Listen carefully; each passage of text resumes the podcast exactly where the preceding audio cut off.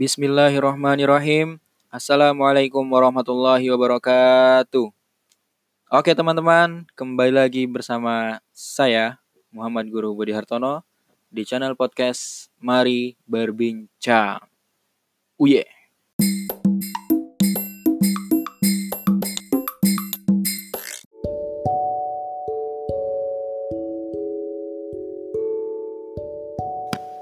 Jadi kayak gini teman-teman.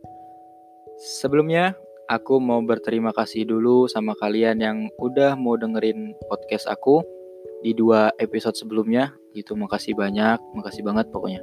Kalian terbaik pokoknya. Makasih. Nah, gitu.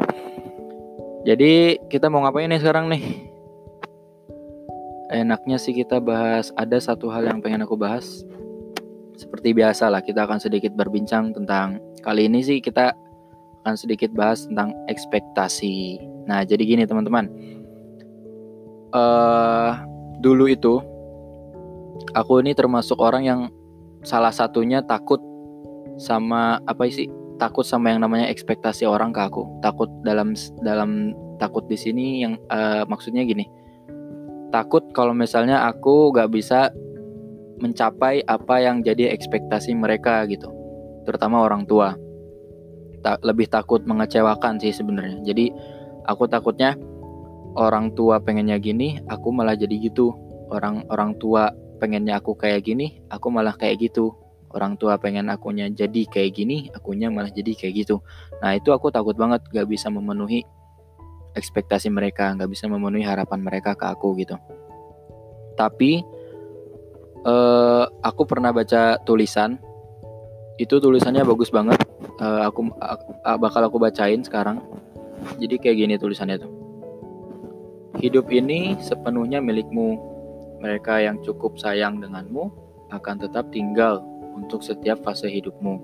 Tak peduli apa yang kamu kerjakan saat ini. Nah, jadi sebenarnya hidup ini ya milik kita gitu loh. Kenapa kita harus terlalu terganggu dengan ekspektasi mereka ke kita. Padahal sebenarnya hidup ini milik kita. Kita nggak nggak boleh terlalu nggak usah lah fokus. Maksudnya oke okay, orang lain punya harapan orang tua kita misalnya punya harapan ke kita. Tapi kan yang menentukan kita mau jadi apa di masa depan nanti gitu loh. Itu kita sendiri dengan melihat apa yang yang apa-apa yang menjadi kelebihan kita. Kayak gitu. Terus kelanjutan tulisannya kayak gini karena pada akhirnya mereka yang cukup yakin untuk tinggal adalah mereka yang tinggal tanpa ekspektasi apa pun terhadapmu. Dalam uh, dalam apa sih? Dalam tanda kutip, mereka itu selalu mendukungmu gitu loh.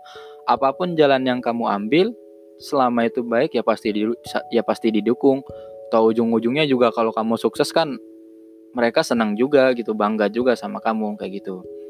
Sama uh, ada juga tipe orang yang kebanyakan orang ini kayak gini. Jadi gini teman-teman. Setiap orang kan pasti punya kelebihan sama kekurangan ya. Nah, kebanyakan orang itu sekarang mereka terlalu fokus sama kekurangan mereka gitu. Contohnya mereka ngeliat si A bisa bisa kayak gini, kok aku nggak bisa gitu. Si A aja bisa, kok aku nggak bisa gitu. Nah, padahal tanpa disadari sebenarnya kamu itu pun memiliki sesuatu yang si A itu nggak bisa lakukan. Jadi kita kita sebenarnya nggak boleh terlalu fokus sama kekurangan kita, cukup fokus sama kelebihan kita. Dengan fokus sama kelebihan kita, kita akan menjadi kita bisa mengembangkannya, ya kita akan menjadi lebih sukses gitu loh dengan kelebihan yang kita punya.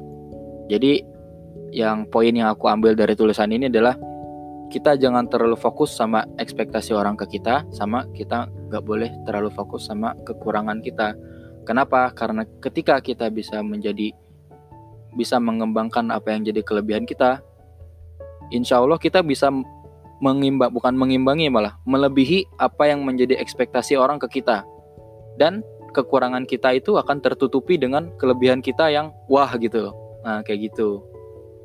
Jadi yang masih terjebak di zona ekspektasi ayolah move on lah. Aku aja udah move on ya kan? Sih kayak gitu. Jadi ya mungkin itu aja sih yang pengen aku bincang bincangin pengen aku obrolin saat ini ke kalian.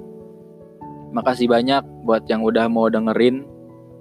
Makasih pokoknya makasih banyak. Dan mungkin itu aja. Wassalamualaikum warahmatullahi wabarakatuh. Dadah